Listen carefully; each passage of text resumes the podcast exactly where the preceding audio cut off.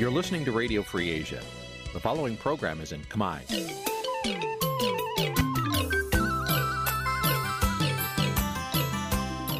នេះជាកម្មវិធីផ្សាយ Vuthu Azizi Serai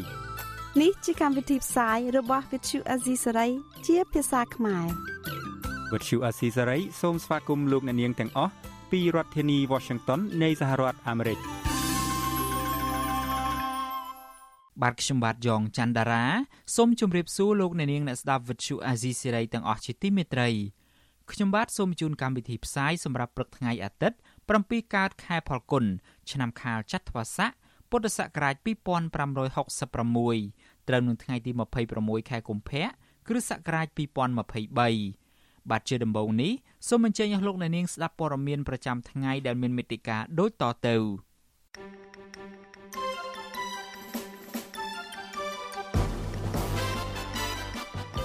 ក្រុមនិស្សិតស្នើដល់លោកហ៊ុនសែនកុំយកឱកាសចែកសញ្ញាបត្រកេងចំណេញនយោបាយសង្គមស៊ីវិលទទូចដល់ក្រសួងសុខាភិបាលពង្រីកសមត្ថភាពគ្រូពេទ្យក្រោយផ្ទុះជំងឺផ្ដាសាយបាក់សី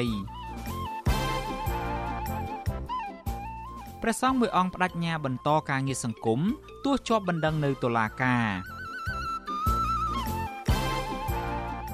គ្រឿងញៀនរីករាលដាលដល់តំបន់ជនជាតិដើមភាគតិចនៅក្នុងខេត្តស្ទឹងត្រែងរួមនឹងព័ត៌មានសំខាន់ៗមួយចំនួនទៀត។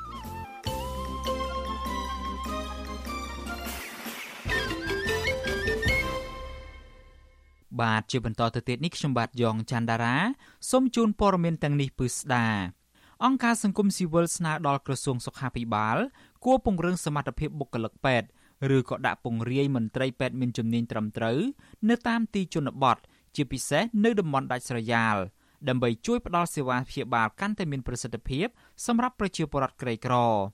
ការស្នើសុំបែបនេះគឺដោយសារតែមានការផ្ទុះឆ្លងជាថ្មីទៀតនៃជំងឺផ្ដាសាយបាក់សី H5N1 នៅក្នុងខេត្តព្រៃវែងបាទនេះជាសេចក្តីរាយការណ៍របស់លោកយុនសាមៀន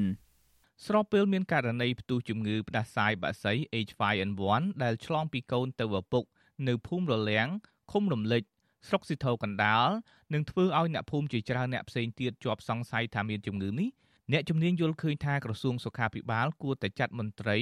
ចុះអនុវត្តវិធានការអប់រំសុខភាពដល់ពលរដ្ឋឲ្យបានខ្ជាប់ខ្ជួននៅតាមទីជនបទគ្រប់កន្លែងប្រធានសមាគមគ្រូពេទ្យគុណធម៌កម្ពុជាលោកអ៊ូចវិធីប្រពន្ធអសីសេរី នៅថ្ងៃទី25កុម្ភៈថា ក្រសួងសុខាភិបាលត្រូវតែពង្រឹងសមត្ថភាពគ្រូពេទ្យនៅតាមមន្ទីរពេទ្យបង្អែកស្រុក និងគ្រូពេទ្យនៅតាមមណ្ឌលសុខភាពភូមិឃុំឲ្យបានជាប់លាប់ជាពិសេសត្រូវដាក់បុគ្គលិកពេទ្យដែលមានជំនាញខ្ពស់នៅតាមមន្ទីរពេទ្យបង្អែកស្រុក និងមណ្ឌលសុខភាពទាំងនោះដើម្បីផ្ដល់សេវាព្យាបាលប្រកបដោយប្រសិទ្ធភាពខ្ពស់ជូនពលរដ្ឋបើសិនជាយើងមិនដាក់ពេទ្យឲ្យជួយតាមជនបទទេយើងនៅគុំបដុំតាកន្លែង ប្រមូលបដុំកន្លែងប្រជាពលរដ្ឋកន្លែងប្រជាពលរដ្ឋដែលមានសេដ្ឋកិច្ចធូរធារអានឹងបងប្អូនយើងនៅតែមានហានិភ័យចឹងដល់ថ្ងៃក្រោយវាចំពោះអ្នកមានរស់អ្នកក្រស្លាប់បើខ្ញុំអត់ទេអ្នកមានអ្នកក្រក៏អាចរស់មានពិតរស់ដោយអ្នកមានតែយើងត្រូវដាក់ពេទ្យជួយមើលគាត់លោកបន្តថាការអនុវត្តបែបនេះគឺអាចជួយពលរដ្ឋក្រីក្រគ្មានលទ្ធភាពជាពិសេសកុមារតូចតូចជៀសផុតពីការធ្លាក់ខ្លួនឈឺក្នុងរយៈពេលខ្លីហើយស្លាប់ ដោយសារជំងឺមួយចំនួនដូចជាការក្តៅខ្លួនខ្លាំង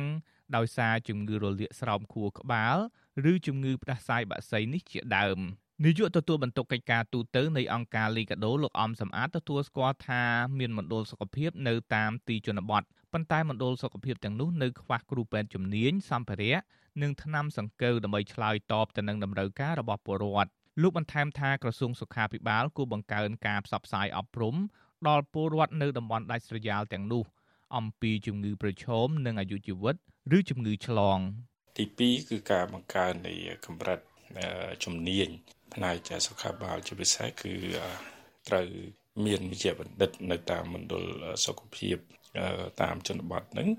ឲ្យបានច្រើនដែរហើយមានជំនាញហើយថែមទាំងឧបករណ៍ចាំបាច់មួយចំនួនដើម្បីឆ្លើយតបនឹងតម្រូវការរបស់ប្រជាពលរដ្ឋណា ការលើកឡើងរបស់មន្ត្រីសង្គមស៊ីវិលទាំងនេះធ្វើឡើងបន្ទាប់ពីកុមារីអាយុជាង11ឆ្នាំ បានស្លាប់ដោយសារជំងឺផ្ដាសាយបាក់សីបន្ទាប់ពីធ្លាក់ខ្លួនឈឺត្រឹមតែ7ថ្ងៃជជុំវិញការលើកឡើងរបស់មន្ត្រីអង្គការសង្គមស៊ីវិលទាំងនោះវិទ្យុអាស៊ីសេរីមិនអាចសុំការឆ្លើយតបពីលោកស្រីយុសម្បត្តិមន្ត្រីនាំពាក្យក្រសួងសុខាភិបាលបានទេដោយសារតែទូរស័ព្ទចូលជាច្រើនដងតែគ្មានអ្នកទទួល ទោះបីជាយ៉ាងណាក្រសួងសុខាភិបាលបានប្រកាសជាថ្មីកាលពីថ្ងៃទី24កុម្ភៈថាក្រោយពីបានយកសំណាក់មនុស្ស12នាក់ដែលប៉ះពាល់ផ្ទាល់នឹងកមារីរងគ្រោះទៅពិនិត្យនៅវិទ្យាស្ថានស្រាវជ្រាវសុខភាពសាធារណៈគេរកឃើញថាបរិសុទ្ធអាយុ41ឆ្នាំនឹងត្រូវជាឪពុករបស់កមារីដែលស្លាប់នោះក៏កើតជំងឺនេះដែរជុំវិញរឿងនេះដែរប្រធានមណ្ឌលសុខភាពឃុំរំលេចលោកប៊ុនឃីមលើកឡើងថាឪពុកកុមារីដែលបានស្លាប់នៅមិនទាន់ចេញអាការៈគ្រុនក្តៅ និងហត់នៅឡើយទេប៉ុន្តែបច្ចុប្បន្នត្រូវបានគេបញ្ជូនទៅតាមដានសុខភាព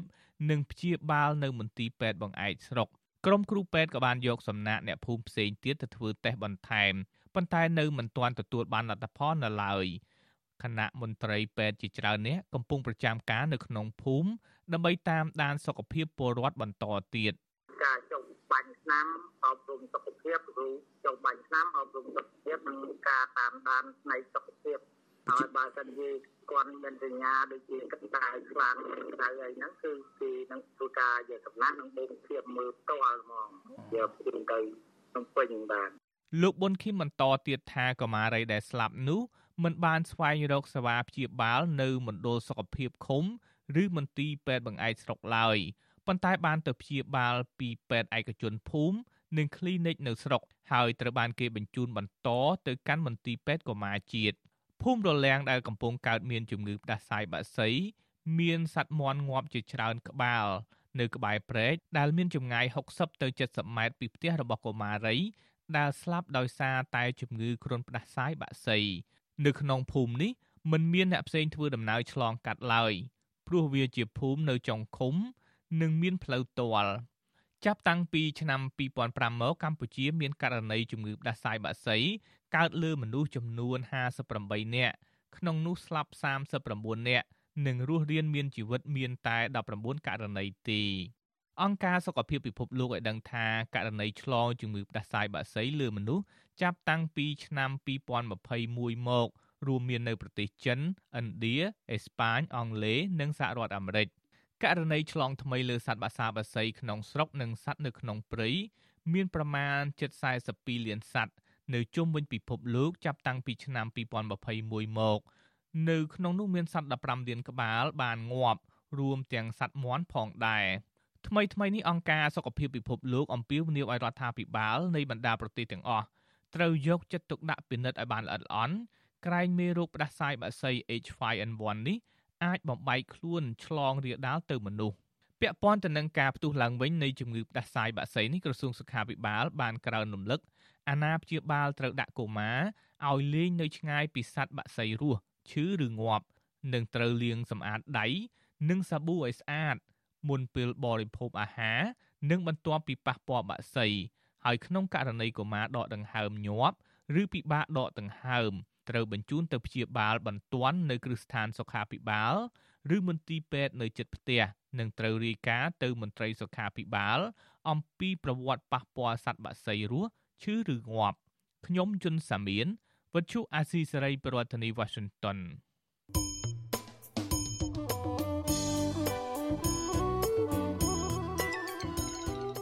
លោកអ្នកនាងជាទីមេត្រីដំណើរគ្នានឹងស្ដាប់ការផ្សាយរបស់ Vuthu Azizi Siri នៅតាមបណ្ដាញសង្គម Facebook និង YouTube លោកអ្នកនាងក៏អាចស្ដាប់ការផ្សាយរបស់យើង តាម Vuthu រលកធាតុអាកាសខ្លីបានដែរពេលព្រឹកចាប់ពីម៉ោង5កន្លះដល់ម៉ោង6កន្លះ តាមរយៈប៉ុស SW 9.39 MHz ស្មើនឹងកម្ពស់ 32m និងប៉ុស SW 11.85 MHz ស្មើនឹងកម្ពស់ 25m ពេលយប់ចាប់ពីម៉ោង7កន្លះដល់ម៉ោង8កន្លះតាមរយៈប៉ុស SW 9.39 MHz ស្មើនឹងកម្ពស់ 32m ប៉ុស SW 11.88 MHz ស្មើនឹងកម្ពស់ 25m និងប៉ុស SW 15.15 MHz ស្មើនឹងកម្ពស់ 20m បាទសូមអរគុណ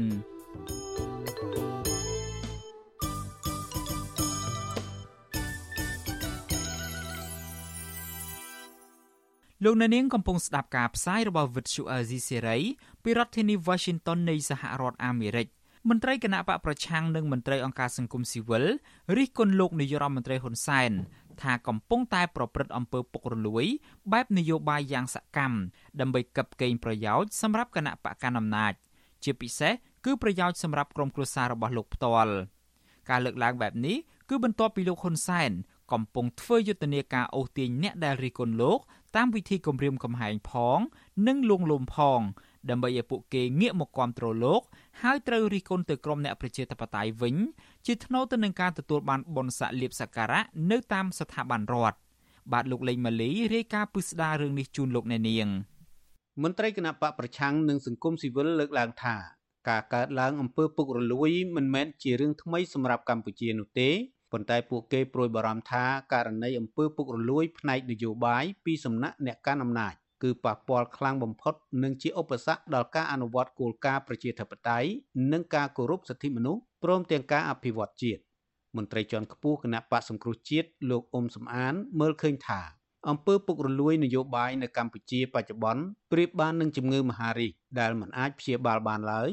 ដោយសារតែអង្គភាពប្រឆាំងអំពើពុករលួយ ឬស្ថាប័នតុលាការមិនហ៊ានចាត់វិធានការលើអ្នកមានអំណាច លោកបន្តថាលោកហ៊ុនសែនតែងតែប្រើអំណាចចាត់ចែងធនធានរបស់រដ្ឋតាមទំនឹងចិត្តជាពិសេសមុនការបោះឆ្នោតម្ដងម្ដង តាមរយៈការផ្ដល់លៀបសក្ការៈនិងបុណ្យស័ក្តិនៅតាមក្រសួងស្ថាប័នជាតិឲ្យក្រុមអ្នករិះគន់ដែលចុះចូលជាមួយលោកព្រមទាំងប្រគល់សិទ្ធិឲ្យក្រុមអង្គការគ្រប់គ្រងដីរដ្ឋលុបបឹងបួរសមុទ្រទន្លេនិងរកស៊ីមុខចំនួនផ្ដាច់មុខដើម្បីជាថ្នូរនឹងការគ្រប់គ្រងគណៈបកប្រជាជនកម្ពុជា ឬនយោបាយតវងត្រកូលរបស់លោក លោកអ៊ុំសំអានថ្លែងថាបើមន្ត្រីរាជការមាននានាការគ្រប់គ្រងគណៈបកប្រឆាំងវិញលោកហ៊ុនសែនតែងតែបណ្ដេញពួកគេចេញពីក្របខ័ណ្ឌដោយអយុត្តិធម៌ ប្រជាប្រដ្ឋខ្មែរនរណាតែដឹងទេថាស្រុកខ្មែរបើសិនជាគ្មានលុយតូបទេគឺมันអាចបានតំណែងធំมันបានទូនាទីធំបើគ្មានបពពួកក្រុមគ្រួសារជាអ្នកធំទេ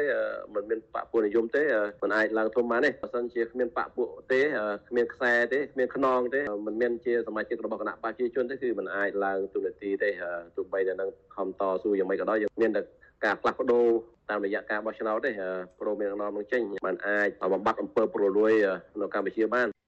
ការលើកឡើងនេះដោយសារតែលោកមើលឃើញថាលោកហ៊ុនសែនកំពុងប្រើប្រាស់អំណាចដើម្បីប្រព្រឹត្តអំពើពុករលួយនយោបាយយ៉ាងសកម្ម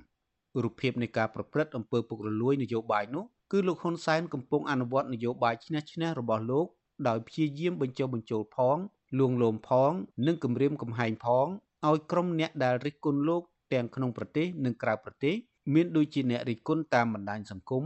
អ្នកសារព័ត៌មាន គ្រូបង្រៀនសកម្មជននយោបាយបកប្រឆាំងនិងសកម្មជនសង្គមជាដើមឲ្យបដូរជំហរទៅបម្រើផលប្រយោជន៍នយោបាយដល់ក្រុមគ្រួសាររបស់លោក ផលប្រយោជន៍នយោបាយដែលលោកហ៊ុនសែនផ្ដល់ឲ្យអ្នករិះគន់ទាំងនោះគឺការតែងតាំងតួនាទីនៅក្នុងស្ថាប័នរដ្ឋដោយមិនចាំបាច់ប្រឡងហើយទទួលបានប្រាក់ខែដ៏ច្រើនពីកញ្ចប់ថវិកាជាតិដែលប្រជាពលរដ្ឋគ្រប់រូបខំបង់ពន្ធ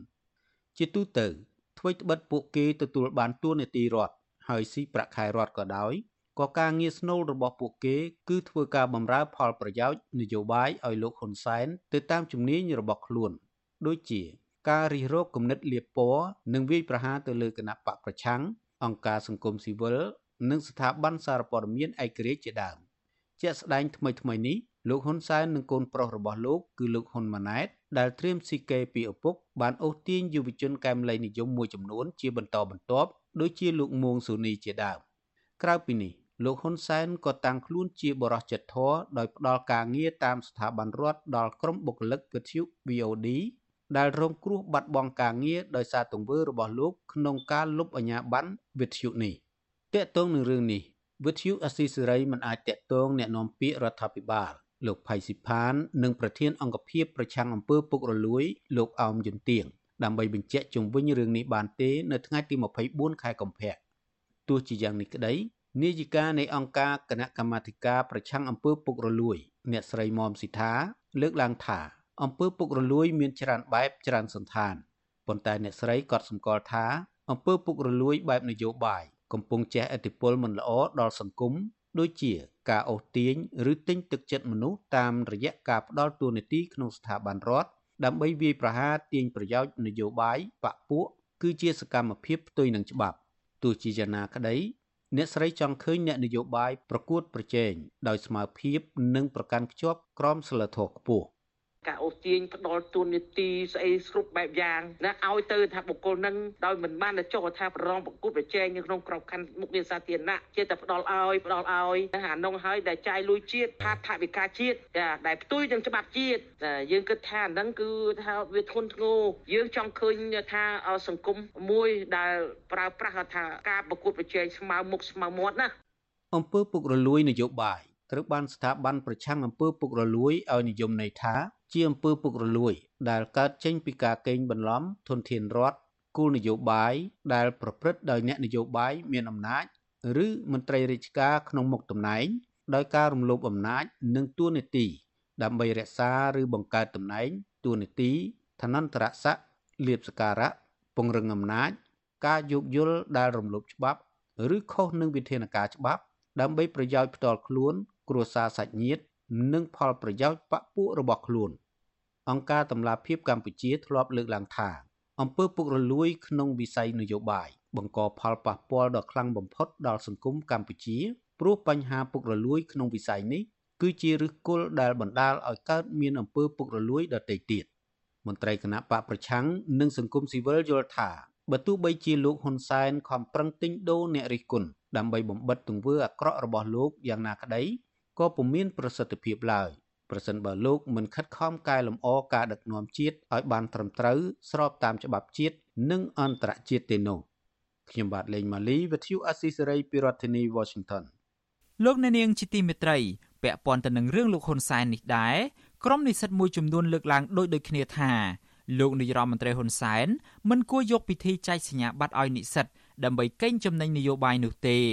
បាទការលើកឡើងបែបនេះ គឺដោយសារតែលោកហ៊ុនសែនតែងតែចំណាយពេលវេលាជាញឹកញាប់ដើម្បីចុះចែកសញ្ញាបត្រដល់និស្សិតដែលបញ្ចប់ការសិក្សាតាមសាកលវិទ្យាល័យនានាហើយលោកតែងតែឆ្លៀតឱកាសដើម្បីរំលឹកពីគុណសម្បត្តិរបស់លោក និងវាយប្រហារទៅលើដៃគូប្រកួតប្រជែងនយោបាយបាទអ្នកវិភាគលើកឡើងថាការពោលពាក្យសម្ដីអសិលធម៌និងការគំរាមកំហែងនៅលើវេទិកាសាធារណៈបែបនេះឆ្លុះបញ្ចាំងឲ្យឃើញថា លោកហ៊ុនសែនមិនមែនជាមេដឹកនាំដែលមានតម្លៃនិងជាគំរូល្អដល់និស្សិតនោះឡើយបាទលោកអ្នកនាងនឹងបានស្ដាប់ព័ត៌មាននេះពឹស្ដានៅក្នុងការផ្សាយរបស់យើងនៅពេលបន្តិចទៀតនេះ។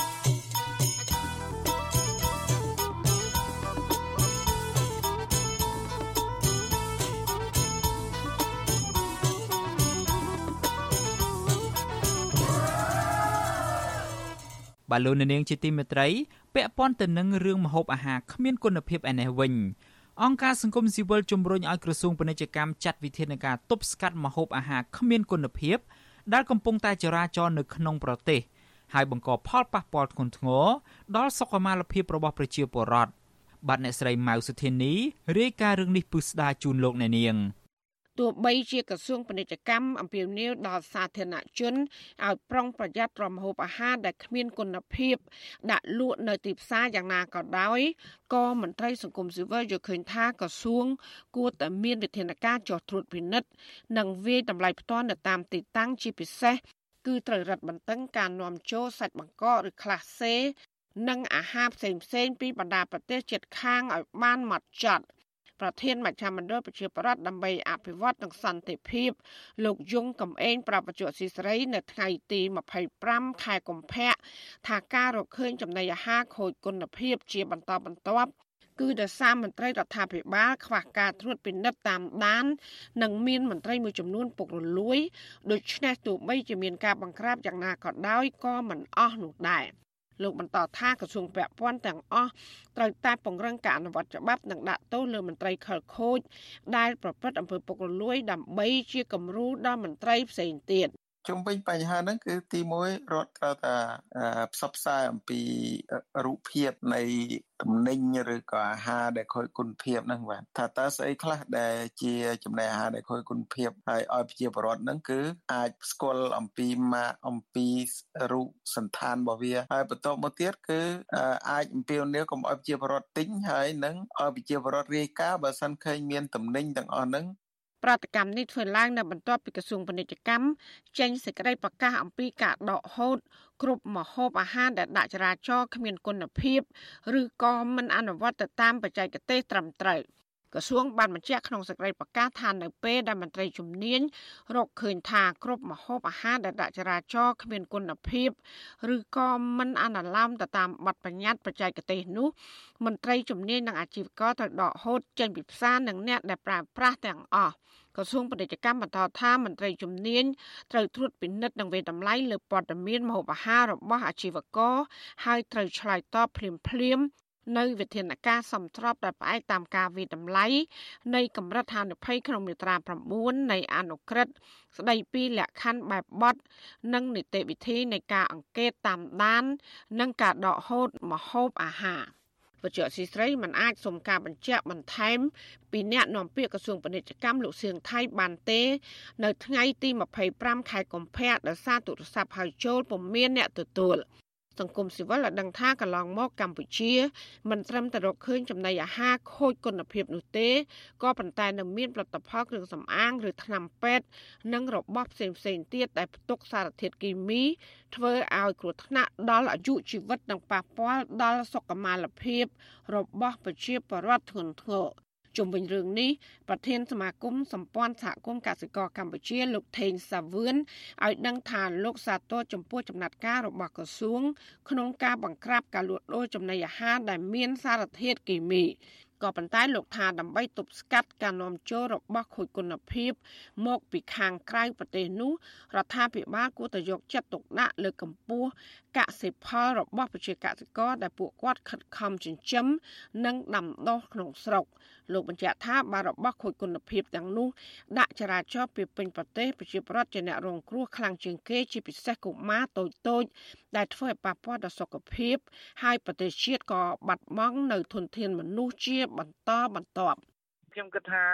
ដើម្បីនៅពេលដែលមានការត្រួតពិនិត្យនិងការអនុវត្តច្បាប់ទាំងរឹងវាត្រូវការការចូលរួមពីប្រជាពលរដ្ឋហើយមួយទៀតគឺយុទ្ធសាស្ត្រគ្រប់ជ្រុងជ្រោយនៅពេលដែលមានការត្រួតពិនិត្យផ្សាយប្រកបទាំងរឹងណាតើត្រូវមានយន្តការជជែកមួយរដ្ឋាភិបាលអំពីការត្រៀមខ្លួនក្នុងការជំរុញនៅផលិតផលជាតិដើម្បីជំនួសឲ្យផលិតផលនៅនាំចូលពីក្រៅប្រទេសហើយការធ្វើបែបនេះបានខ្ញុំគិតថានឹងទទួលបានការសាទរហើយនឹងទទួលបាននៅជោគជ័យនៃយុទ្ធសាស្ត្រនៃការដោះស្រាយបញ្ហា កន្លងទៅលោកនាយករដ្ឋមន្ត្រីហ៊ុនសែនធ្លាប់បានស្ដីបន្ទោសបរដ្ឋដែលប្រើប្រាស់និងបរិភោគបន្លែផ្លែឈើអាហារត្រីសាច់ដែលផ្ទុកសារធាតុគីមីថាមកពីមិនចេះមើលខ្លួនឯងហើយបែរជាទម្លាក់កំហុសទៅលើរដ្ឋាភិបាលទៅវិញទោះយ៉ាងណាសង្គមស៊ីវិលនិងបរដ្ឋតែងតែរិះគន់ថារដ្ឋាភិបាលលោកហ៊ុនសែនហាក់មិនបានបំពេញទូនាទីនិងភារកិច្ចយកចិត្តទុកដាក់ទប់ស្កាត់ ទំនិញខូចគុណភាពនិងផ្ទុកសារធាតុគីមី ពីប្រទេសជិតខាងដើម្បីការពារសុវត្ថិភាព និងសុខុមាលភាពប្រជាពលរដ្ឋខ្មែរឡើយពួកគាត់ពិនិត្យឃើញថានៅតាមច្រកព្រំដែនកម្ពុជាវៀតណាម និងច្រកព្រំដែនកម្ពុជាថៃស្ទើរតែគ្រប់ខេត្តមានច្រកអន្តរជាតិនិងច្រករបៀងតូចតូចជាច្រើនទៀតដែលភាគច្រើន គឺគ្មានប្រព័ន្ធត្រួតពិនិត្យទំនិញខូចគុណភាពនោះឡើយ របាយការណ៍របស់នាយកដ្ឋានការពារអ្នកប្រើប្រាស់កិច្ចការប្រកួតប្រជែងនិងបង្ក្រាបការក្លែងបន្លំហើយកាត់ថាកបបបានចេញផ្សាយកាលពីដើមខែមករា បង្ហាញថាសាច់បង្កដែលខូចគុណភាព ចំនួន78,200គីឡូក្រាមត្រូវបានរកឃើញថាមាននៅក្នុងសាច់ជ្រូកសាច់មាន់បង្កងនិងសាច់សត្វមួយចំនួនទៀតដែលមានផ្ទុកមេរោគជំងឺឆ្លងប៉េះអាហ្វ្រិក។ បន្ថែមពីនេះកាលពីថ្ងៃទី17ខែកុម្ភៈមន្ត្រីជំនាញក៏បានរកឃើញសាច់ជ្រូកនិងសរីរាង្គជ្រូកបង្កកចំនួន88ក្បាលស្មើនឹងទម្ងន់ជិត2000គីឡូក្រាម មានផ្ទុកមេរោគជំងឺឆ្លងប៉ែអាហ្វ្រិក និងបានយកទៅបំផ្លាញចោលដោយសារគ្មានសុវត្ថិភាពទោះបីជារដ្ឋាភិបាលបានទប់ស្កាត់ការនាំចូលចំណីអាហារពីប្រទេសជិតខាងយ៉ាងណាក្តីក៏ប៉ុន្តែកំណើននៃការលួចនាំចូលចំណីអាហារខុសច្បាប់ ពីប្រទេសជិតខាងដូចជាថៃនិងវៀតណាម នៅតែបន្តកើតមានដដែលចាននាងខ្ញុំម៉ៅសុធានីវិទ្យុអាស៊ីស្រីប្រធានាធិបតី Washington បាទលោកនាងជាទីមេត្រីពាក់ព័ន្ធទៅនឹងបញ្ហាគ្រឿងញៀនឯនេះវិញសហគមន៍ជនជាដើមភាគតិចគួយរស់នៅខេត្តភៀកឦសាន បន្តព្រួយបារម្ភបញ្ហាគ្រឿងញៀនរាលដាលដល់តំបន់ដាច់ស្រយាលកាន់តែខ្លាំងដែលធ្វើឲ្យកូនចៅរបស់ពួកគាត់ខ្លះបានក្លាយជាអ្នកញៀនថ្នាំ បង្កផលប៉ះពាល់ដល់ក្រុមគ្រួសារនិងសង្គមជាតិបាទអ្នកភូមិថាអ្នកប្រព្រឹត្តបទល្មើសព្រៃឈើខ្លះតែងតែសេពគ្រឿងញៀនដើម្បីធ្វើអាជីវកម្មឈើខុសច្បាប់នៅក្នុងតំបន់ព្រៃឡង់ជាច្រើនឆ្នាំមកហើយដោយគ្មានការបង្ក្រាបនៅឡើយទេ បាទលោកជាតិចំណានរាយការណ៍ព័ត៌មាននេះពិស្ដាជនជាតិដើមភាគតិចគួយរស់នៅឃុំកាំងចាមឃុំអន្លង់ភេនិងឃុំស្រែឫស្សីក្នុងស្រុកថ្លាបរិវត្តខេត្តស្ទឹងត្រែងអះអាងថាការកើនឡើងនៃយុវជនសេពគ្រឿងញៀន តាមតំបន់ជនបទដាច់ស្រយាលនៅតែកើតមានច្រើនដោយគ្មានយន្តការទប់ស្កាត់គ្រប់ជ្រុងជ្រោយនៅឡើយទេក្រុមស្នូបណ្ដាញការពារព្រៃឡង់លោកខេងខូប្រាប់វិសុអាស៊ីស្រីនៅថ្ងៃទី24ខែកុម្ភៈថាបច្ចុប្បន្នពលរដ្ឋមួយចំនួនបានប្រើប្រាស់ថ្នាំញៀនហើយតែងតែប្រព្រឹត្តបទល្មើសកាប់ឈើនិងដឹកជញ្ជូនឈើចេញពីតំបន់ព្រៃឡង់នៅពេលយប់ដើម្បីបំបត្តិការងងុយដេកលោកថាបញ្ហានេះកើតឡើងដដែលដដែលប៉ុន្តែមិនឃើញមន្ត្រីបរិស្ថានសហការជាមួយសមាជិកចុះបង្ក្រាបនៅឡើយទេ រីឯក្រុមរបបព្រៃឡង់តែងតែប្រទះឃើញសម្ភារៈសេពគ្រឿងញៀនដែលក្រុមអ្នកកាប់ឈើប្រើប្រាស់ក្នុងតំបន់ព្រៃឡង់លោកបន្ថែមថាកូនចៅអ្នកភូមិខ្លះធ្វើជាកម្មករគេដើម្បីយកលុយទៅទិញគ្រឿងញៀនលួចជក់តាមវាលស្រែនិងតាមគុម្ពព្រៃ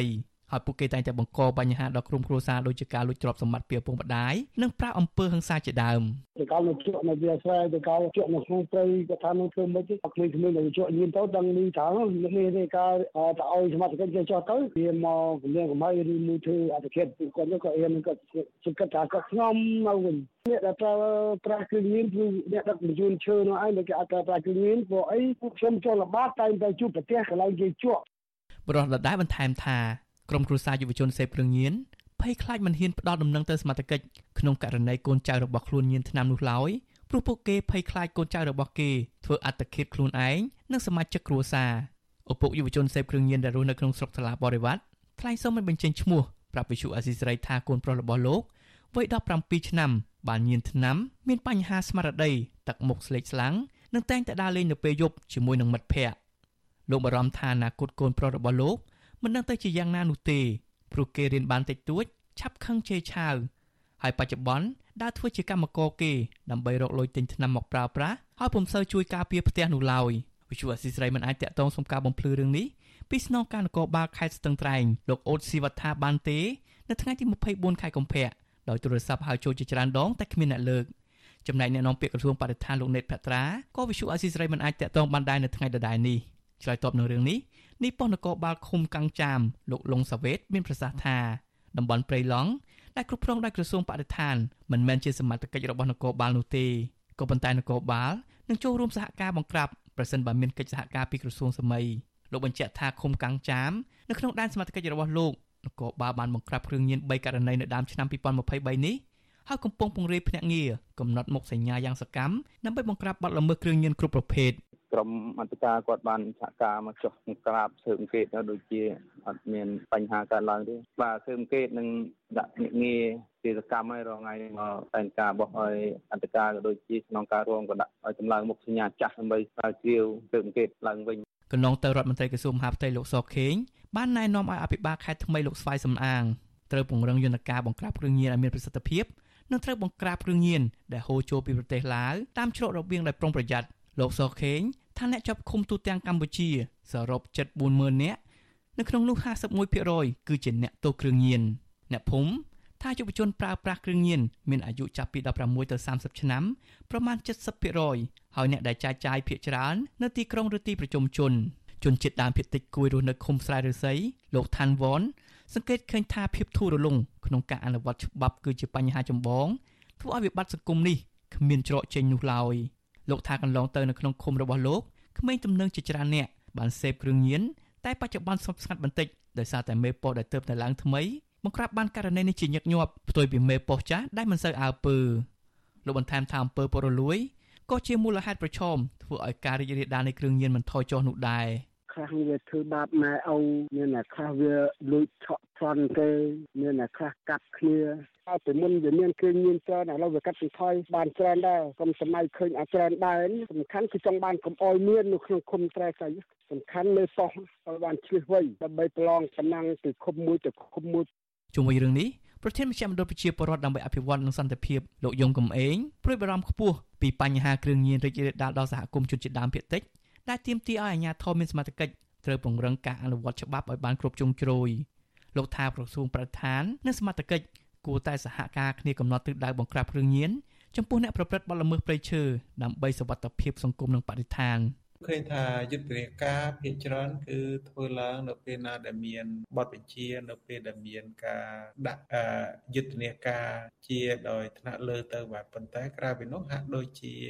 មិនសូវបានធ្វើជាប្រចាំបាទហើយបញ្ហាគ្រឿងញៀននេះគឺកាលណាយើងដកដៃគឺអក្រិតជនជួយដូរគ្រឿងញៀននោះគឺបានលេះបានឱកាសហើយបាទ កាលពីខែកុម្ភៈឆ្នាំ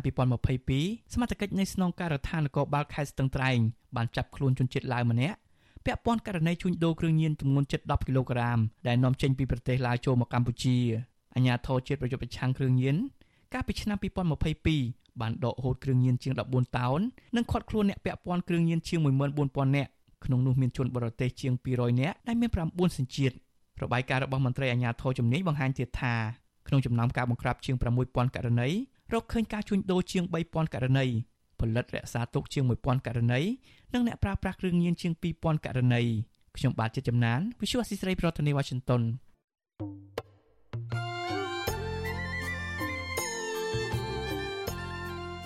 លោកអ្នកនាងជាទីមេត្រី នៅក្នុងឱកាសនេះដែរខ្ញុំបាទសូមថ្លែងអំណរគុណដល់លោកអ្នកនាងកញ្ញាទាំងអស់ដែលតែងតែមានភក្ដីភាពចំពោះការផ្សាយរបស់យើង ហើយចាត់ទុកការស្ដាប់វិទ្យុអាស៊ីសេរីគឺជាផ្នែកមួយនៃសកម្មភាពប្រចាំថ្ងៃរបស់លោកអ្នកនាងគឺការគ្រប់គ្រងរបស់លោកអ្នកនាងនេះហើយដែលធ្វើឲ្យយើងខ្ញុំមានទឹកចិត្តកាន់តែខ្លាំងក្លាថែមទៀតនៅក្នុងការស្វែងរកនិងផ្តល់ព័ត៌មានជូនលោកអ្នកនាង មានអ្នកស្ដាប់អ្នកទស្សនាកាន់តែច្រើនកាន់តែធ្វើឲ្យយើងខ្ញុំមានភាពស្វាហាប់មោះមុតជាបន្តទៅទៀត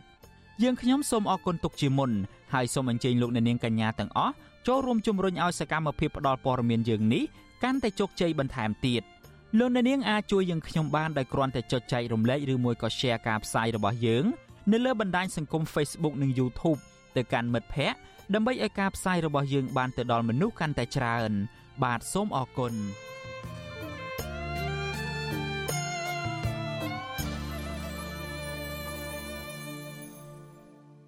បាទលោកនៅនាងជាទីមេត្រី នៅឯខេត្តបាត់ដំបងឯណោះវិញ សាលារៀនកម្រិតមធ្យមសិក្សាមួយនៅក្នុងខេត្តនេះកំពុងខ្វះខាតគ្រូបង្រៀនបណ្ដាលឲ្យសិស្សានុសិស្សនៅទីនោះទទួលចំណេះដឹងមិនបានពេញលេញនិងប្រឈមនឹងការបោះបង់ចោលការសិក្សាអាណាព្យាបាលនិងអង្គការសង្គមស៊ីវិលស្នើដល់ក្រសួងអប់រំបញ្ជូនគ្រូបង្រៀនទៅតំបន់នោះឲ្យបានច្រើន និងយកចិត្តទុកដាក់ជាមួយពួកគាត់ដើម្បីជំរុញឲ្យវិស័យអប់រំមានសមភាពបាទលោកថាថៃរាយការណ៍រឿងនេះពីប្រទេសអូស្ត្រាលី អនុវិទ្យាល័យបឹង5នៅភូមិសំណាងព្រះស្រីឃុំបឹង5ស្រុកវ៉ាវែលមិនសូវមានភាពអ៊ូអរដោយអនុវិទ្យាល័យទូទៅនោះឡើយ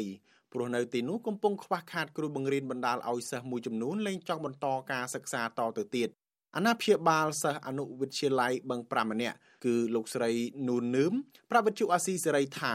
កូនរបស់លោកស្រីតែងរអ៊ូពីបញ្ហាខ្វះខាតគ្រូនិងការបង្រៀនខុសឯកទេសនៃមុខវិជ្ជា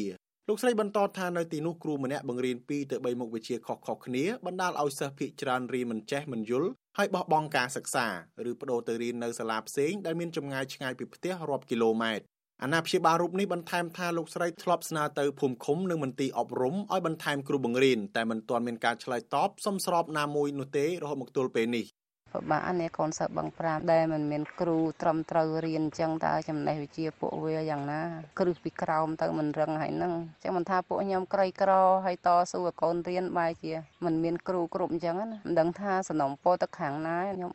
កាលដើមឡើយអនុវិទ្យាល័យបឹង5មិនមានអគារសិក្សានោះឡើយដោយខ្ចីបន្ទប់របស់សាលាបឋមសិក្សាបឹងក្រឡសម្រាប់បង្រៀនលុះមកដល់ឆ្នាំ2021ទើបមានការកសាងអគារមួយខ្នងមាន5បន្ទប់សម្រាប់បង្រៀនពីថ្នាក់ទី7ដល់ថ្នាក់ទី9ទីធ្លាសាលាមានសភាពលហលហេវក្តៅហួតហែងគ្មានដើមឈើគ្មានរបងគឺមានតែខ្លងទ្វារដែលមានផ្លាកពណ៌ខៀវចាថាអនុវិទ្យាល័យបឹង5 នាយកអនុវិទ្យាល័យបឹង5លោករុនឆៃលៀងឲ្យដឹងថាបញ្ហាកង្វះគ្រូបង្រៀននេះកើតមានឡើងជាច្រើនឆ្នាំមកហើយដោយសារគ្រូបង្រៀនមួយចំនួនបានប្រឡងចូលកម្រិតឧត្តមនិងខ្លះទៀតបដូរសាលាបង្រៀនលោកបញ្ជាក់ថាសប្តាហ៍ថ្ងៃមានគ្រូនិងនាយកសរុបចំនួន3នាក់ប៉ុណ្ណោះកំពុងបង្រៀននៅអនុវិទ្យាល័យបឹង5ហើយគ្រូខ្លះត្រូវបង្រៀន3មុខវិជ្ជាខ្លះទៀតបង្រៀន2មុខវិជ្ជាចំណែកលោកផ្ទាល់ដែលជានាយកសាលាបង្រៀនមួយមុខវិជ្ជា លោកបន្តថាបញ្ហាខ្វះគ្រូបង្រៀននេះបានជះឥទ្ធិពលដល់ការសិក្សារបស់សិស្សដែលបណ្ដាលឲ្យពួកគេបោះបង់ការសិក្សាជាបន្តបន្ទាប់ហើយលោកតែងតែលើកយកបញ្ហាទាំងនេះស្នើទៅមន្ទីរអប់រំខេត្តបាត់ដំបងដើម្បីស្នើសុំគ្រូបង្រៀនមកបន្ថែមទៀតដែរចឹងបើយើងទៅរើសគ្រូដោយកិច្ចសន្យាដោយគ្រូបឋមគ្រូអីវាអត់បានទេវាត្រូវការជំនាញច្បាស់លាស់តែគំនិតខ្ញុំខ្ញុំចង់បានតែ គ្រូកិច្ចសន្យាណាដែលអាចមានត្រឹមបរិញ្ញាបត្រឬក៏មានអីមួយមួយអីអាចមកបរៀនបានខ្ញុំចង់ឲ្យបរៀនដែរដើម្បីវាកាត់បន្ថយគ្រូបរៀនច្រើនមុខដែរថ្ងៃម្នាក់បរៀន2 3មុខ2 3មុខសាលាអនុវិទ្យាល័យបឹង5នេះនៅខ្វះគ្រូបង្រៀនមុខវិជ្ជាភូមិប្រវត្តិដែនដីគេហៈនិងកីឡាវិទ្យុអាស៊ីសេរីមិនអាចតាក់ទងអនុប្រធានមន្ទីរអប់រំយុវជននិងកីឡាខេត្តបាត់ដំបងអ្នកស្រីមាសភិរុនដើម្បីសុំការបកស្រាយបានទេនៅថ្ងៃទី25កុម្ភៈ ទាក់ទិននឹងបញ្ហានេះគ្រូបង្រៀនម្នាក់សូមមិនបញ្ចេញឈ្មោះប្រាប់វិទ្យុអាស៊ីសេរីថាជាទូទៅសាលាបង្រៀននៅតាមតំបន់ដាច់ស្រយាលមិនមែនជាគោលដៅដែលគ្រូបង្រៀនចង់ទៅឡើយលោកបញ្ជាក់ថាតាមសេចក្តីណែនាំរបស់ក្រសួងអប់រំតម្រូវឲ្យគ្រូត្រូវបង្រៀននៅតាមសាលាគោលដៅយ៉ាងតិច5ឆ្នាំទើបមានសិទ្ធិផ្លាស់ប្តូរសាលាក៏ប៉ុន្តែលោកអះអាងថាគ្រូបង្រៀនមួយចំនួនបានចំណាយលុយទៅថ្នាក់លើទោះបីជាមិនទាន់គ្រប់ចំនួន5ឆ្នាំក្តីដើម្បីបដូរសាលាបង្រៀនទៅតំបន់ទីប្រជុំជន លោកបន្តថាកត្តានេះនាំឲ្យមានវិសមភាពគ្រូបង្រៀនធ្ងន់ធ្ងរដោយគ្រូបង្រៀនភាគច្រើនប្រមូលផ្ដុំតែនៅតាមទីប្រជុំជនដែលពួកគេអាចរកចំណូលតាមរយៈការបង្រៀនគូក្រៅម៉ោងបន្ថែមដែលផ្ទុយស្រឡះពីសាលានៅតំបន់ដាច់ស្រយាលដែលសិស្សភាគច្រើនមានជីវភាពក្រីក្រជំវិញបញ្ហានេះប្រធានសមាគមគ្រូបង្រៀនកម្ពុជាឯករាជ្យអ្នកស្រីអុកឆាយាវីស្នើសុំឲ្យក្រសួងនិងមន្ទីរអប់រំតាមបណ្ដារាជធានីខេត្ត ចាត់គ្រូបង្រៀនឲ្យទៅតាមតំបន់ដាច់ស្រយាលឲ្យបានច្រើនដើម្បីបង្កបរិយាកាសអប់រំនៅទីនោះឲ្យមានសមភាពជាមួយនឹងទីប្រជុំជនអ្នកស្រីបន្តថាក្រសួងអប់រំត្រូវលើកទឹកចិត្តនិងឧបត្ថម្ភឬផ្ដល់ប្រាក់បៀវត្សឲ្យគ្រូបង្រៀនទាំងនោះឲ្យបានសមស្របនឹងគិតគូរពីបញ្ហាសុវត្ថិភាពសុខុមាលភាពរបស់ពួកគាត់ផងដែរ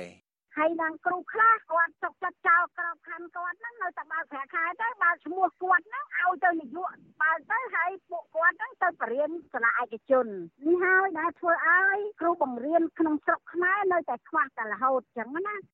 របាយការណ៍របស់ក្រសួងអប់រំយុវជននិងកីឡាបង្ហាញថានៅក្នុងឆ្នាំសិក្សា2021-2022 អត្រាសិស្សដែលបោះបង់ចោលការសិក្សានៅកម្រិតមធ្យមសិក្សាទុតិយភូមិឬកម្រិតវិទ្យាល័យមានប្រមាណជាង18%ចំណែកអត្រាបោះបង់ចោលការសិក្សានៅកម្រិតមធ្យមសិក្សាបឋមភូមិឬកម្រិតអនុវិទ្យាល័យមានចំនួនជាង16% បើទោះបីជាមានជីវភាពក្រីក្រយ៉ាងណាក៏ដោយអាណាព្យាបាលសិស្សមួយចំនួននៅតែតស៊ូត្រដរឲ្យកូនបានសិក្សារៀនសូត្រក៏ប៉ុន្តែបញ្ហាកង្វះខាតគ្រូបង្រៀនសម្ភារៈឧបទេសនិងអគារសិក្សានៅតែជាឧបសគ្គរារាំងដល់ការសិក្សារបស់សិស្សទាំងនោះពួកគាត់ស្នើឲ្យរដ្ឋាភិបាលនិងក្រសួងអប់រំគិតគូរលើបញ្ហានេះដើម្បីលើកកម្ពស់ការអប់រំនៅតាមជនបទឲ្យបានល្អប្រសើរដូចនៅទីប្រជុំជនខ្ញុំថាថៃពីទីក្រុងមែលប៊ន thank you លោកអ្នកនាងកញ្ញាជាទីមេត្រីវិទ្យុអាស៊ីសេរីសូមជូនដំណឹងថាយើងគ្មានអ្នកយកព័ត៌មានប្រចាំនៅប្រទេសកម្ពុជាទេប្រសិនបើមានជនណាម្នាក់អះអាងថាជាអ្នកយកព័ត៌មានឲ្យវិទ្យុអាស៊ីសេរីនៅកម្ពុជានោះគឺជាការក្លែងបន្លំយកឈ្មោះអាស៊ីសេរីទៅប្រើនៅក្នុងគោលបំណងទុច្ចរិតណាមួយរបស់បុគ្គលនោះតែប៉ុណ្ណោះបាទសូមអរគុណ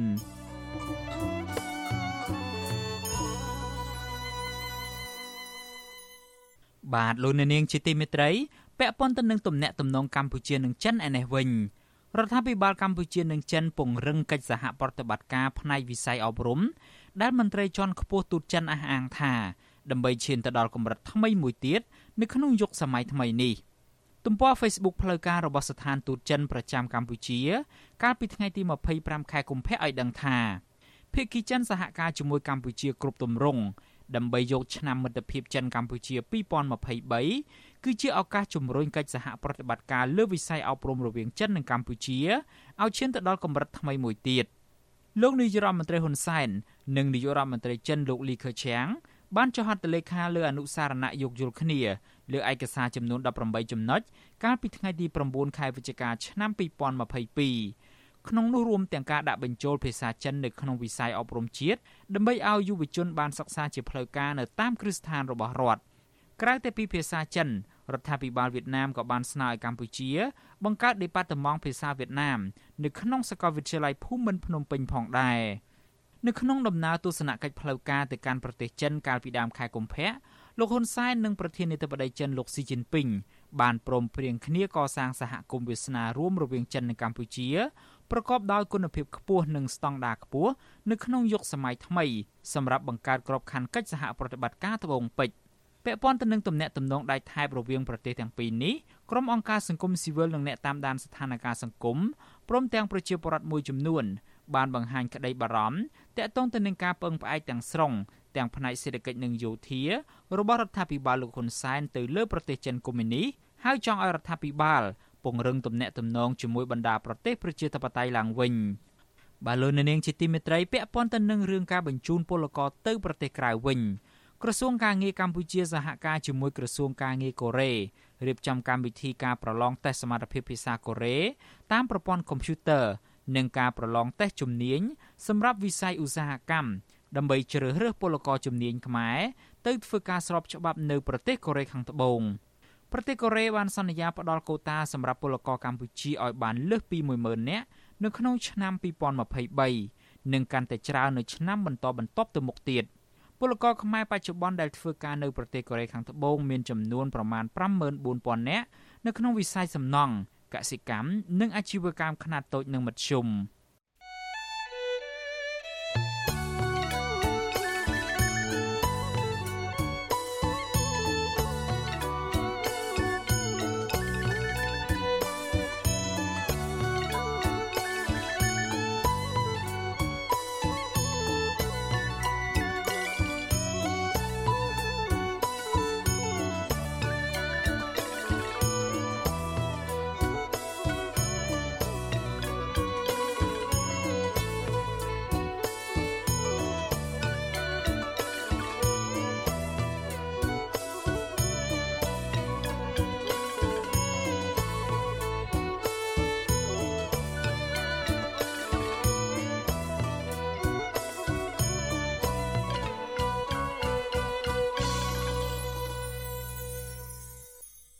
លោកអ្នកនាងជាទីមេត្រី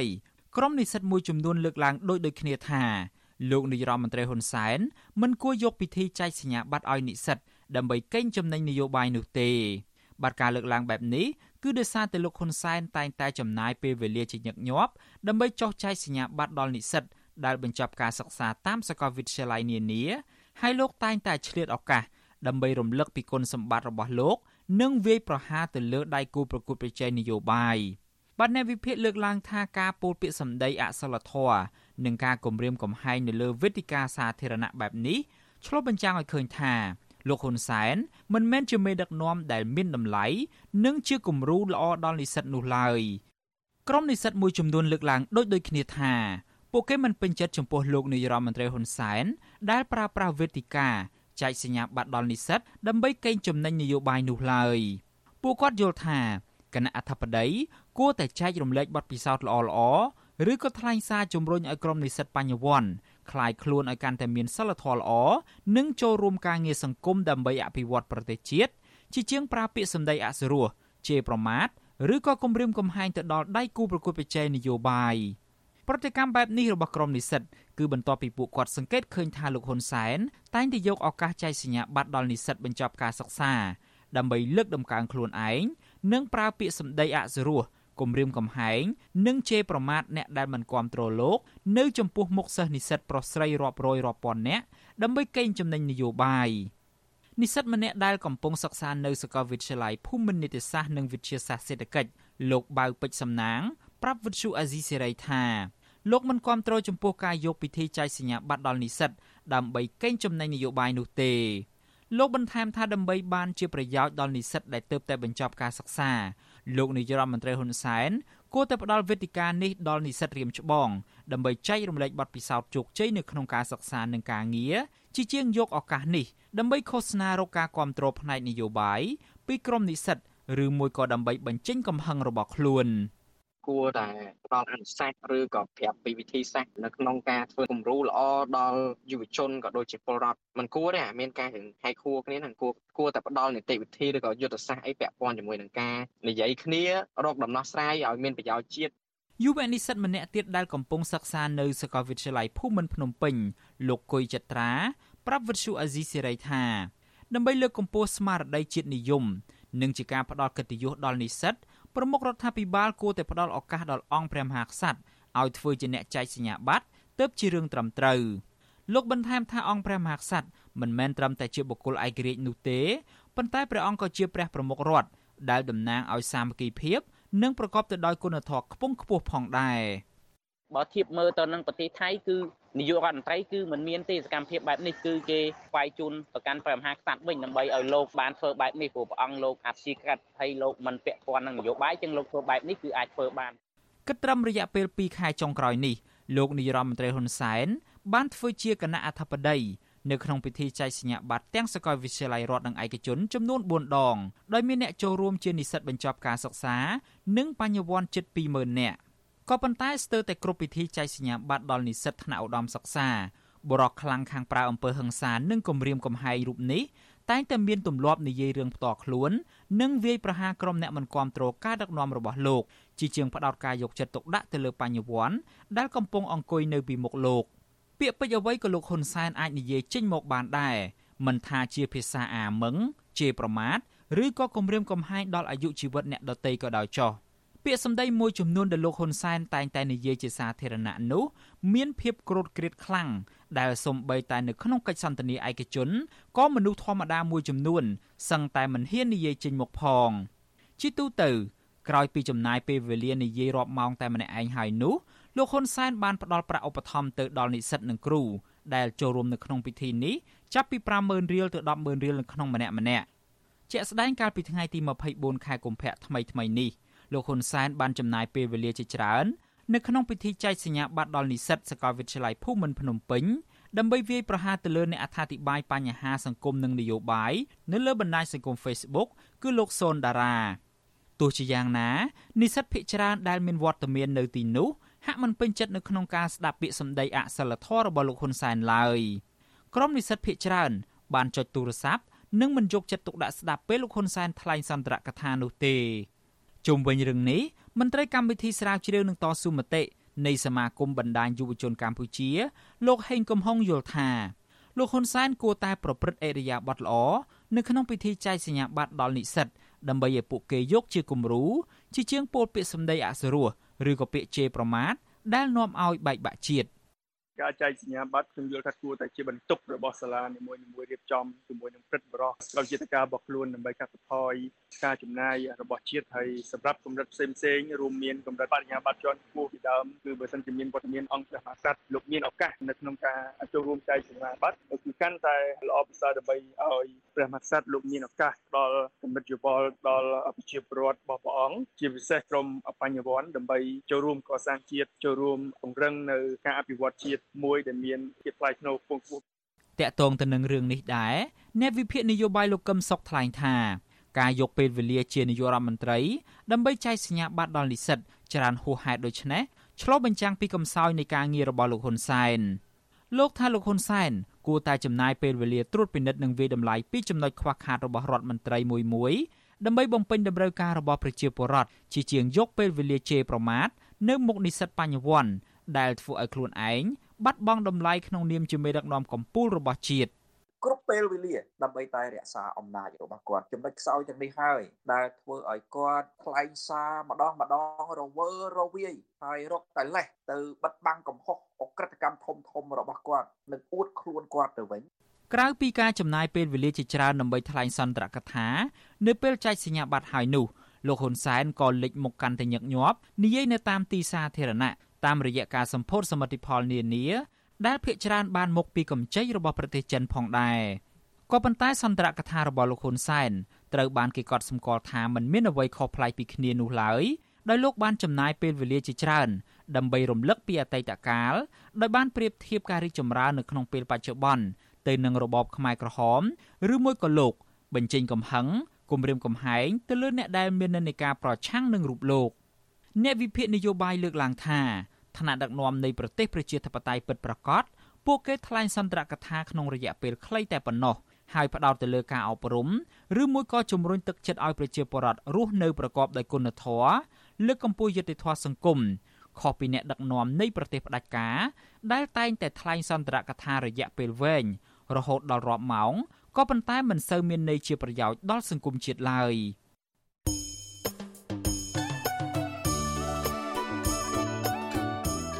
លោកអ្នកនាងជាទីមេត្រីក្រៅពីការតាមដានកម្មវិធីផ្សាយរបស់ Vuthu Azizi Serai នៅតាមបណ្ដាញសង្គម Facebook YouTube និង Telegram លោកអ្នកនាងក៏អាចតាមដានកម្មវិធីផ្សាយរបស់យើងនៅតាមរយៈបណ្ដាញ Instagram បានដែរតាមរយៈតំណ link ដែលមានអាសយដ្ឋាន www.instagram.com/rfa ខ្មែរ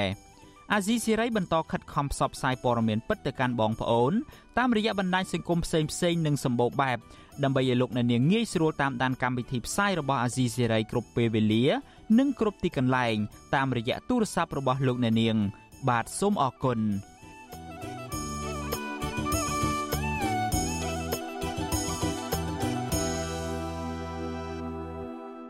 លោកអ្នកនាងកំពុងស្ដាប់ការផ្សាយរបស់ Vuthu Azizi Serai ពីរដ្ឋធានី Washington នៃសហរដ្ឋអាមេរិកព្រះសង្ឃសកម្មនឹងការងារសង្គមព្រះដេចព្រះគុណសយសាទ ដែលរងការបណ្ដេញចេញពីវត្តដោយសារតែឈឺឆ្អាលបញ្ហាសង្គមនោះ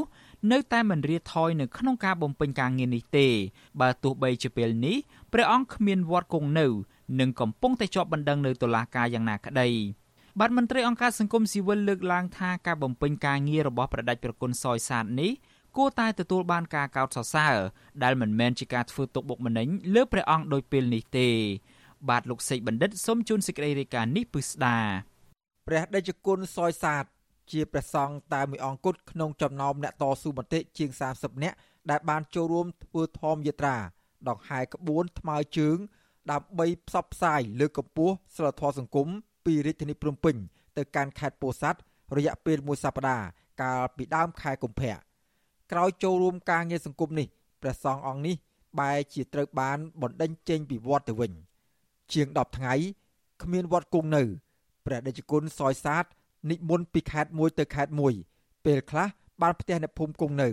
និងពេលខ្លះទៀតព្រះអង្គគង់ក្នុងព្រៃដើម្បីកិច្ចពីការតាមដាន របស់ក្រុមអាជ្ញាធរនៃរដ្ឋាភិបាលលហ៊ុនសែនព្រះដេចគុណសយសាទមានថ្នាក់ដឹកការឲ្យដឹងថាព្រះអង្គចូលរួមធ្វើការងារនេះព្រោះសង្កេតឃើញមានភាពអយុត្តិធម៌នៅក្នុងសង្គមកើតឡើងស្ទើរជារៀងរាល់ថ្ងៃដោយជាការបណ្ដេញប្រជាពលរដ្ឋចេញពីដីធ្លីឬលំនៅឋានអាជ្ញាធរធ្វើបាបពលរដ្ឋ ការបំផ្លិចបំផ្លាញព្រៃឈើនិងការរំលោភសិទ្ធិមនុស្សជាដើមព្រះអង្គបន្តថាក្នុងនាមព្រះអង្គឆានបាយពុទ្ធបរិស័ទព្រះអង្គមិនអាចគង់សំងំយកសុខតែអង្គឯងបានឡើយដូច្នេះព្រះអង្គសម្រេចចូលបម្រើការងារសង្គមដូចជាការចូលរួមការពារព្រៃឈើនិងចូលរួមកិច្ចការលើកកម្ពស់សិលធម៌សង្គមជាច្រើនឆ្នាំមកហើយ។ ផ្សេងផ្សេងឃើញចឹងអយុត្តិធម៌ពេកបានអាត្មាព្រមមិនបានអាត្មាចេញមកដើម្បីធ្វើម៉េចឲ្យអ្នកនយោបាយចេះដើរកន្លងនៃផ្លូវមជ្ឈមដីបទាដែលជាផ្លូវកណ្ដាលធ្វើម៉េចឲ្យសង្គមជាតិយើងឲ្យបានរីកចម្រើនកុំស្កើងដោយប្រទេសលានលើតកលលោកចឹងអាត្មាមិនចង់ឃើញការសម្លាប់ការចាប់ដាក់ដន់ទៀតទោសដោយសារតែការបញ្ចេញមតិនឹងដោយការស្ថាបនាសង្គមវាមើលទៅអយុត្តិធម៌ពេកបងព្រះដេចគុណសយសាទ មានថ្នាក់ដឹកការបន្តទៀតថាព្រះអង្គមិនព្រមចុះចាញ់អំពើអាក្រក់ព្រោះព្រះអង្គមានជំនឿថាអំពើល្អនឹងឈ្នះអំពើអាក្រក់ហើយក្នុងនាមព្រះអង្គជាអ្នកបួសព្រះអង្គអាចអប់រំបន្ទន់ចិត្តពុទ្ធបរិស័ទឲ្យរលឹកគិតធ្វើសេចក្តីល្អ អ្នកមានអំណាចម្ល៉េះឲ្យសូមប្រសងចេញមកព្រោះយើងប្រកបទៅដោយធម៌ជនខ្ពស់លើឧបាសកឧបាសិកាទាយុតិយិកាម្ល៉េះឲ្យត្រូវតែចូលរួមត្រូវតែដឹកនាំណែនាំនៃស្ដេចមន្ត្រីសតីអ្នកមាននេះឲ្យដើរទៅតាមផ្លូវល្អជប់មានការគំនាបណាមួយមានការគម្រាមណាមួយឡើងមានតែប្រសងទេដែលដែលធ្វើឲ្យសង្គមមានស្ថិរភាពបានព្រះដេចគុណសយសាទព្រះជន្ម72ព្រះវស្សាគង់នៅវត្តភ្នំផ្លោកក្នុងឃុំត្រពាំងជូស្រុកអូរ៉ាល់ខេត្តកំពង់ស្ពឺ ត្រូវបានប្រជាអធិការវត្តនេះបណ្ដេញចេញពីវត្តកាលពីថ្ងៃទី9ខែកុម្ភៈក្រោយពេលប្រដេជគុណចូលរួមធម៌យាត្រាលើកកម្ពស់សិលធម៌សង្គមជាមួយសមាគមគ្រូបង្រៀនកម្ពុជាឯករាជ្យកាលពីដើមខែកុម្ភៈក្រោយការបណ្ដេញចេញពីវត្តព្រះអង្គបានសុំវត្តផ្សេងមួយចំនួនគង់នៅដែរប៉ុន្តែអ្នកគ្រប់គ្រងវត្តទាំងនោះមិនហ៊ានឲ្យព្រះអង្គគង់នៅទេ នៅចុងក្រោយនេះទៀតតុលាការខេត្តកំពង់ស្ពឺបានចោទប្រកាន់ថាព្រះអង្គបានកាប់ទុនទានដីព្រៃ ដែលតម្រូវឲ្យប្រជាជនចូលបំភ្លឺនៅតុលាការនៅថ្ងៃទី6ខែមីនាខាងមុខនេះមិនមែនជាលើកទី1ដែលប្រជាជនរងការធ្វើទុកបុកម្នេញបែបនេះទេប្រជាជនសយសាទដែលមានស្រុកកំណើតនៅខេត្តស្វាយរៀងបានចូលសាងព្រះភ្នោះក្នុងព្រះពុទ្ធសាសនា ក្នុងប្រជជន56ព្រះវស្សានៅវត្តមេតាធម្មជាតិខេត្តកំពង់ស្ពឺពេលនោះព្រះអង្គបានចូលរួមការពារព្រៃឈើនៅក្នុងសហគមន៍ព្រៃមេតាធម្មជាតិ ត្រូវបានក្រុមអាជ្ញាធររករឿងចោទប្រកាន់រហូតធ្វើឲ្យប្រជាជនសម្រេចលាចាកសិក្ខាបទមួយរយៈហើយព្រះអង្គបានចូលសាងព្រះភ្នោះជាថ្មី នៅឆ្នាំ2022និងបានចូលរួមទាមទារយុទ្ធធរសង្គមជាញឹកញាប់ហើយចុងក្រោយនេះព្រះដេចគុណចូលរួមធម្មយាត្រាលើកកម្ពស់សិលធម៌សង្គមជាមួយនឹងសមាគមគ្រូបង្រៀនកម្ពុជាឯករាជ្យរហូតរងការធ្វើទុកបុកម្នេញដូចពេលនេះ ប្រធានសមាគមគ្រូបង្រៀនកម្ពុជាឯករាជ្យអ្នកស្រីអុកឆាយាវីដែលដឹកនាំក្បួនធម្មយាត្រាទាមទារយុទ្ធធម៌សង្គមឲ្យដឹងថាកាលពីដំណើរធម្មយាត្រារយៈពេល7ថ្ងៃព្រះដេចគុណសយសាទបានចូលរួមធម្មយាត្រានោះយ៉ាងសកម្មតាំងពីថ្ងៃចាប់ផ្ដើមដល់ថ្ងៃបញ្ចប់ អ្នកស្រីសង្កេតឃើញថាព្រះសង្ឃអង្គនេះបានលះបង់កម្លាំងកាយទឹកប្រតិយនិងមិនខ្លាចការប្រមានរបស់អាជ្ញាធរនៅពេលធ្វើធម្មយាត្រានោះទេ អ្នកស្រីឲ្យដឹងទៀតថា ក្រៅពីឃើញព្រះដេចគុណសយសាទចូលរួមការងារសង្គមអ្នកស្រីក៏ធ្លាប់ឃើញព្រះសង្ឃអង្គនេះចូលរួមការពារព្រៃឈើផងដែរ។នេះជាការមួយដែលលោកកំពុងតែធ្វើជាគំរូល្អសម្រាប់ប្រសង់ដតីទៀតណាចាយើងគិតថាការដែលមានអ្នកកំពុងតែឆេះឈួលពីបញ្ហាសង្គមគួរតែឲ្យបានសរសើរលោកទៅចាមិនគួ រណាដាក់បន្ទុកលើលោកដោយរូបភាពបែបហ្នឹងវាអាក្រក់មើលណាចំណែកអ្នកនាំពាក្យសមាគមការពារសិទ្ធិមនុស្សអាត6លោកសឹងសានករណាលើកឡើងថារាល់ពេលមានប្រសងអង្គណាហ៊ានឈឺឆ្អាលបញ្ហាសង្គមតែតែរងការបណ្ដេញចេញពីវត្តរងការចោទប្រកាន់តាមផ្លូវតុលាការនិងរហូតមានការភៀសប្រកាយទៅក្រៅប្រទេសជាដើមទោះបែបនេះក្តីលោកសឹងសានករណាលើកឡើងថាប្រទេសកម្ពុជា ដែលតម្កល់ព្រះពុទ្ធសាសនាជាសាសនារបស់រដ្ឋអាជ្ញាធរឬស្ថាប័នពាក់ព័ន្ធគួរផ្ដល់លទ្ធភាពឲ្យប្រសង់អាចបម្រើការងារសង្គមតាមឆន្ទៈរបស់ព្រះអង្គ។មន្ត្រីសិទ្ធិមនុស្សរូបនេះយល់ឃើញថា ការបណ្ដេញព្រះសង្ឃចេញពីវត្តព្រោះព្រះសង្ឃធ្វើការងារសង្គមជារឿងមិនគួរកើតមានឡើងឡើយ ជាធម្មតារដ្ឋាភិបាលក្នុងការដឹកនាំក្នុងការគ្រប់គ្រងប្រទេសមិនត្រូវប្រកាន់ខ្ជាប់អំពីនិន្នាការនៃក្រមណាមួយនៃបកពួកណាមួយនោះទេត្រូវតែធ្វើការសម្របសម្រួលយ៉ាងណាអាចឲ្យទាំងព្រះសង្ឃទាំងប្រជាពលរដ្ឋអីហ្នឹងរស់នៅដោយពុំមានការរើសអើងនិងការប៉ះទង្គិចនៅក្នុងផ្នែកនៃនិន្នាការនយោបាយនេះដូចទៅនឹងការអះអាងរបស់មន្ត្រីសង្គមស៊ីវិលនេះដែរក៏ឡងទៅព្រះសង្ឃមួយចំនួនដែលសកម្មក្នុងការបំពេញការងារសង្គមត្រូវបានរដ្ឋាភិបាលលហ៊ុនសែន ធ្វើទុកបុកម្នេញរហូតធ្វើឲ្យព្រះសង្ឃទាំងនោះភៀសប្រកាយចេញពីប្រទេសកម្ពុជា ក្នុងនោះរួមមានព្រះដេចគុណបុត្របន្ទិញកំពុងភៀសប្រកាយនៅសហរដ្ឋអាមេរិកព្រះដេចគុណលួនសវ៉ាត និងព្រះដេចគុណប៊ូបេត បានភៀសប្រកាយទៅកាន់ប្រទេសស្វីសនិងព្រះដេចគុណសឹមសវណ្ណឌីបានភៀសប្រកាយទៅកាន់ប្រទេសអូស្ត្រាលីទោះប្រឈមនឹងការរើសអើងពីអ្នកគ្រប់គ្រងវត្តមួយចំនួនមិនអោយព្រះដេចគុណសយសាទគង់នៅក៏ដោយ ក៏ព្រះអង្គបញ្ញាបន្តចូលរួមការងារសង្គមហើយព្រះអង្គនឹងធ្វើធម្មយាត្រាចាប់ពីថ្ងៃទី1ខែមីនាខាងមុខដោយចេញដំណើរពីភ្នំពេញទៅកាន់ព្រំដែនប្រទេសថៃដើម្បីលើកកម្ពស់សិលធម៌សង្គមនិងបិណ្ឌបាតសូមឲ្យរដ្ឋាភិបាលឈប់ធ្វើទុកបុកម្នេញលើអ្នកធ្វើការងារសង្គមព្រះដេចគុណសយសាទអំពាវនាវដល់ព្រះសង្ឃនិងពលរដ្ឋចូលរួមធ្វើធម៌យាត្រាជាមួយព្រះអង្គបន្តទៀតខ្ញុំបាទសេកបណ្ឌិត វັດឈូអាស៊ីសេរីពីរដ្ឋធានីវ៉ាស៊ីនតោន